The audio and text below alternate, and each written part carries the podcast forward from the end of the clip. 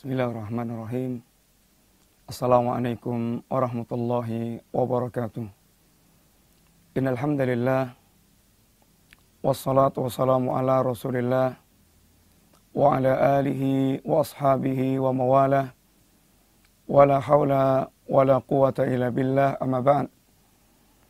Alhamdulillah para pemirsa rahimani wa rahimakumullah kita sedang dalam pelajaran tentang nawaqidul Islam. Beberapa pembatal keislaman. Dan telah kita bahas pembatal Islam yang sepuluh. Dan kita sampai pada pembatal Islam yang keenam. Yang Syekh Muhammad At-Tamimi rahimahullah ta'ala ketika menyampaikan pembatal Islam yang sepuluh ini bukan berarti pembatal Islam hanya sepuluh. Akan tapi beliau memilihkan untuk kita perkara yang sering dan banyak terjadi di tengah-tengah masyarakat dan perkara yang dianggap sangat penting untuk diketahui setiap muslim dan muslimah. Yang pertama, asyirku fi ibadatillah syirik dalam beribadah kepada Allah Subhanahu wa taala. Yang kedua, man ja'ala bainahu wa bainallah wasaid. Orang yang mereka menjadikan antara dia dan Allah perantara. Ini perantara dalam beribadah kepada Allah Subhanahu wa taala. Yad'uhum wa yas'aluhum asy-syafa'ah wa yatawakkalu alaihim. Yang kemudian dia meminta kepada para perantara meminta syafaat kepada para perantara dan bertawakal kepada para perantara maka ini merupakan kekafiran. Yang ketiga malam yukafiril musyrikin aw syakka fi kufrihim aw sahhaha madhabahum yang ketiga, barang siapa yang mereka tidak mengkafirkan orang-orang musyrik. Atau ragu terhadap kekafiran mereka. Atau bahkan membenarkan madhab kekafiran mereka. Maka ini merupakan perbuatan yang menggurkan keislamannya.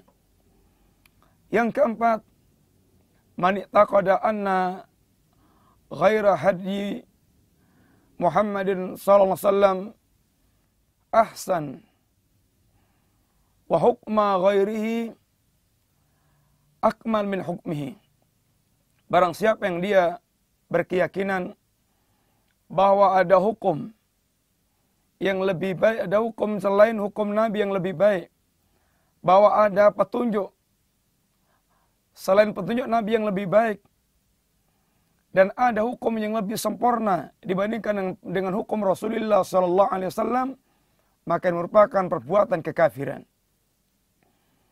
Yang kelima, man abghadha syai'an mimma ja'a bir rasul.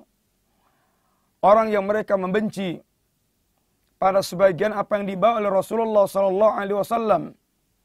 Walau amila bi sekalipun dia mengamalkan perkara tersebut. Yang keenam, al-istihza. Dia memperolok-olok dia memperolok-olok Allah atau agama Allah atau Rasulullah sallallahu alaihi wasallam. Maka ini termasuk di antara amal pembatal keislaman.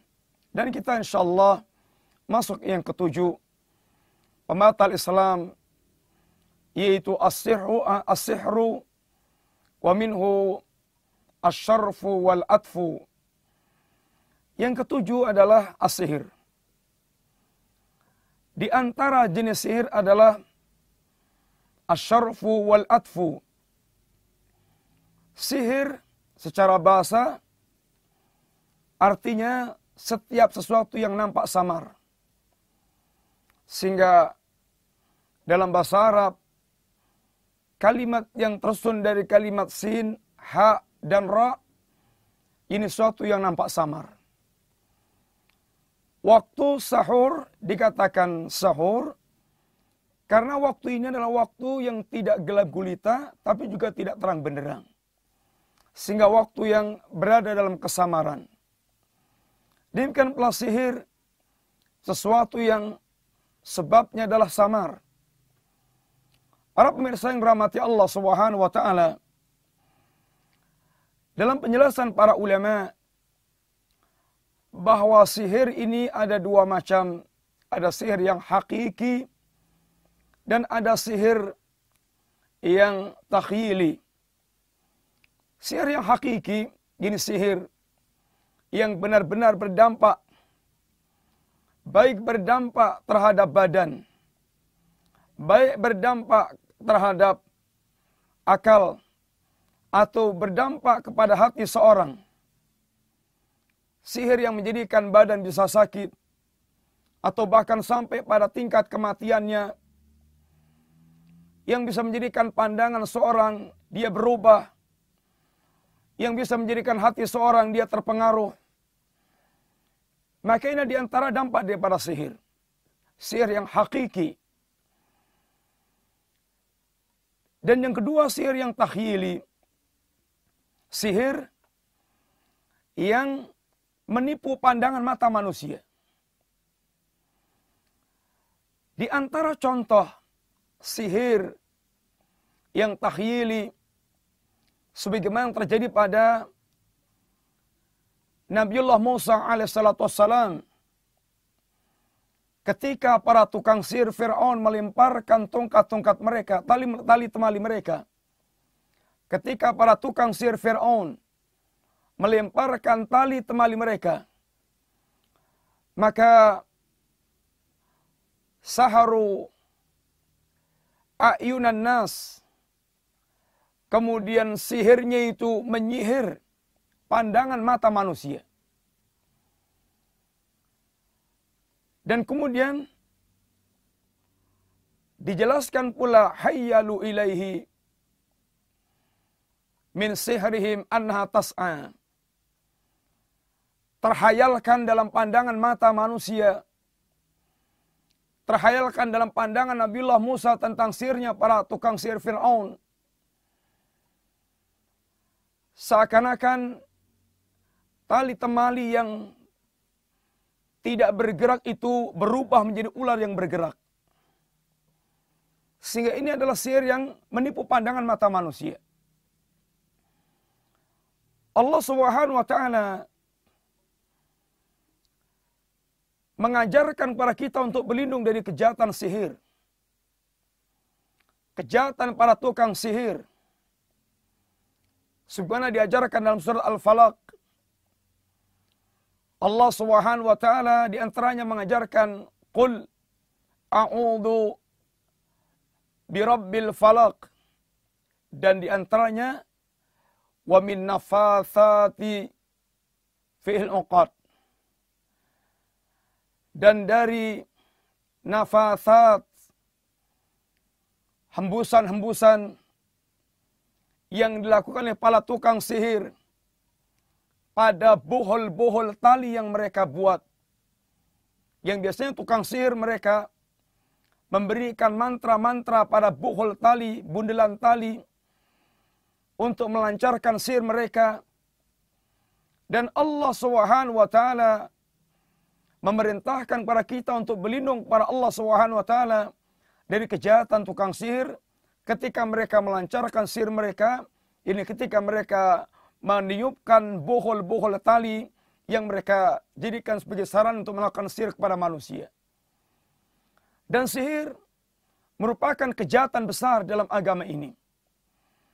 Sehingga pelakunya pun diperintahkan untuk dihukum bunuh.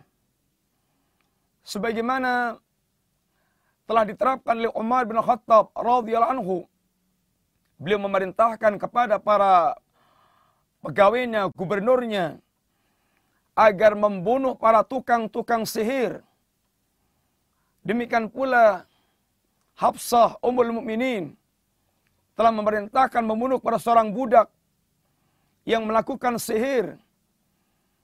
Dan para ulama menyatakan hukuman tukang sihir adalah dihukum bunuh baik sihirnya itu sihir yang menjadikan dia murtad, yang menjadikan dia keluar dari Islam, atau sihir yang belum menjadikan dia keluar dari Islam, akan tapi sihirnya telah merupakan bentuk kerusakan di muka bumi. Karena dalam pandangan para ulama, sesungguhnya sihir ada yang menjadikan seorang batal keislamannya. Ada sihir yang belum menjadikan seorang batal keislaman mereka. Adapun sihir yang menjadikan batalnya keislaman mereka. Ini sihir yang dilancarkan dengan bantuan syaitan, dengan bantuan jin, sehingga manusia atau tukang-tukang sihir menjadi budak-budaknya para jin dan syaitan, yang kemudian dengannya para syaitan atau para jin memberikan bantuan kepada para tukang sihir, sesuai dengan apa yang telah menjadi perjanjian antara keduanya. Para tukang sihir mempersembahkan berbagai macam hal kepada para syaitan dan jin. Sedangkan para jin mereka memberikan pertolongan kepada para tukang sihir. Maka sihir dalam bentuk permintaan tolong kepada para syaitan dan para jin ini adalah merupakan sihir yang menggugurkan keislaman mereka. Adapun di antara sihir pula adalah sihir dalam bentuk ini pengobatan. Sihir dengan obat yang bisa berdampak pada manusia pula. Dan ini merupakan kejahatan. Maka hukuman tukang sihir, baik yang sihir menjerumuskan ke dalam kesyirikan, riddah, keluar dari Islam, atau sihir yang dengan pengobatan yang memiliki dampak kerusakan dalam kehidupan, maka dua-duanya hukumnya dihukum bunuh. Yang satu bunuh karena murtad, yang satu dibunuh karena melakukan kerusakan di muka bumi. Kaum muslimin, para pemirsa yang dirahmati oleh Allah taala. Ketahuilah dalam dunia perdukunan, dalam dunia tukang sihir, mereka memiliki tarekah-tarekah sangat buruk. Tarekah-tarekah yang sangat najis. Yang semuanya merupakan bentuk kekafiran dan kerusakan dan penghinaan terhadap agama. Dan karena memang tidaklah mereka akan mengabdi kepada syaitan kecuali dengan cara-cara yang menghinakan agama Allah Subhanahu wa taala. Diterangkan oleh para ulama kita di antara tarekah para tukang sihir dalam mengabdikan diri kepada para jin, para syaitan. Di antara mereka ada yang menggunakan tarekah iqsam. Ini mereka bersumpah dengan menyebut nama-nama jin sebagai bentuk pengagungan mereka kepada para tukang, kepada para jin. Sehingga jin diagungkan oleh orang yang mereka menginginkan bantuan dari para syaitan. Demikian pula di sana ada tarekat ad-dabah di mana para tukang sihir mempersembahkan sembelihan dari binatang-binatang tertentu yang akan mengundang keridhaan para jin dan para syaitan. Demikian pula di sana ada tariqah najasah. Ini mereka menggunakan barang-barang najis. Kok semisal kotoran atau semisal darah haid untuk menulis ayat-ayat Allah Subhanahu wa taala. Di sana pula ada tariqah sufliyah, tariqah perendahan, pelecehan di mana tukang sihir mereka di antaranya menghinakan simbol-simbol kesucian agama seperti menjadikan mushaf, sebagai tempat untuk jongkok di WC atau tempat yang digunakan di bawah keset untuk keset kaki manusia dan semisalnya yang menunjukkan perendahan kepada kesucian agama Allah Subhanahu wa taala. Di sana pula ada tariqatul tangkis, tariqah yang mereka menulis huruf, uh, huruf Al-Qur'an dengan cara sungsang. Di sana pula ada tariqah ini al-kaf dengan melihat telapak kaki manusia, dengan melihat telapak tangan manusia untuk membaca tentang nasib manusia dan melancarkan apa yang mereka inginkan. Dan di sana pula ini ada beberapa tariqah yang lainnya. Ini merupakan di antara beberapa tariqah dalam rangka untuk mengundang keridhaan syaitan yang bisa diharapkan bantuannya untuk melancarkan sihir yang mereka lakukan. Sihir merupakan kekafiran sebagaimana Allah katakan dalam ayat Al-Qur'anul Karim wattaba'u ma tatlu syayatinu ala mulki Sulaiman wa ma kafara Sulaiman walakinna syayatin walakinna syayatina kafaru yuallimuna an-nasa sihra mereka mengikuti apa yang dibacakan syaitan di zaman kerajaan Sulaiman Sulaiman tidaklah kafir. Sulaiman tidaklah kafir. Akan tapi yang kafir adalah para jin. Ini para syaitan yang mereka mengajarkan sihir kepada manusia. Sehingga kekafiran sehingga mengajarkan sihir kepada manusia merupakan kekafiran. Demikian pula belajar sihir merupakan kekafiran. Sehingga beliau katakan bahwasanya pembatal Islam yang ketujuh as-sihru wa minhu as-sarfu wal atfu. Adapun as-sarfu adalah bagaimana memisahkan antara dua orang yang mereka tadinya saling mencintai. Sehingga dalam ayat dikatakan ma yufarriqu ma yufarriqu baina uh, bainal mar'i wa zawji. Sihir yang bisa memisahkan antara ini suami dan istrinya. Memisahkan antara suami dan istrinya. Sihir yang memisahkan antara kedua belah pihak.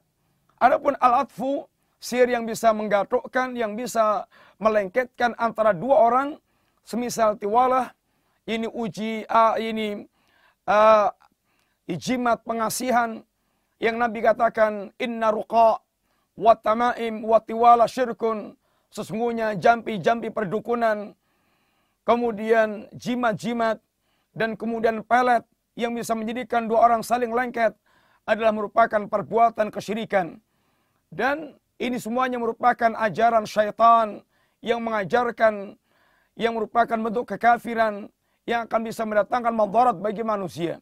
Kaum muslimin yang dirahmati Allah Subhanahu wa taala, maka hendaklah setiap muslim dan keluarga muslimin hendaklah mereka menjauhkan dari dunia sihir sejauh-jauhnya baik dalam bentuk dia mencari manfaat dari sihir untuk keperluan-keperluan mereka atau dengan alasan pengobatan-pengobatan karena Allah Subhanahu wa taala mengharamkan kita berobat dengan hal-hal yang diharamkan oleh Allah Subhanahu wa taala. Adapun berobat silahkan berobat fatadawau wala tadawau bil haram.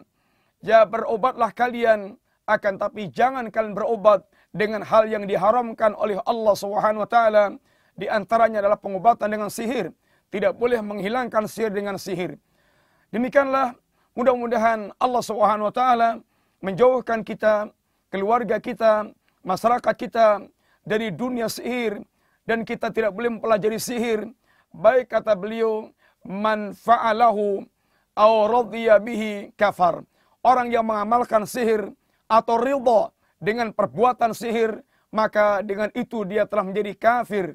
Berhati-hatilah dengan perbuatan sihir, betapapun kata Allah, la yuflihu sahir haitsu ata. Betapapun tukang sihir tidak akan pernah beruntung, baik di dunia maupun di akhirat kelak. Apa pun yang dia dapatkan di dunia dengan sihirnya, tidak akan pernah menjadikan keuntungan bagi dia. Lebih-lebih ketika dia telah menghadap Allah Subhanahu wa taala, maka sungguh sihir perbuatan sangat mungkar dan sangat besar yang akan merusak akidah dan agama dia. Maka berlindunglah kita, berlindunglah kita kepada Allah Subhanahu wa taala. Mudah-mudahan Allah menjauhkan kita di segala bentuk sihir dan cabang-cabangnya dan mudah-mudahan Allah Subhanahu wa taala menjadikan kita di antara hamba yang istiqamah di atas agamanya, mencukupkan dengan perlindungan Allah Subhanahu wa taala. Semoga manfaat. Wa sallallahu ala nabiyyina Muhammadin wa ala alihi wa sahbihi wasallam. Assalamualaikum warahmatullahi wabarakatuh.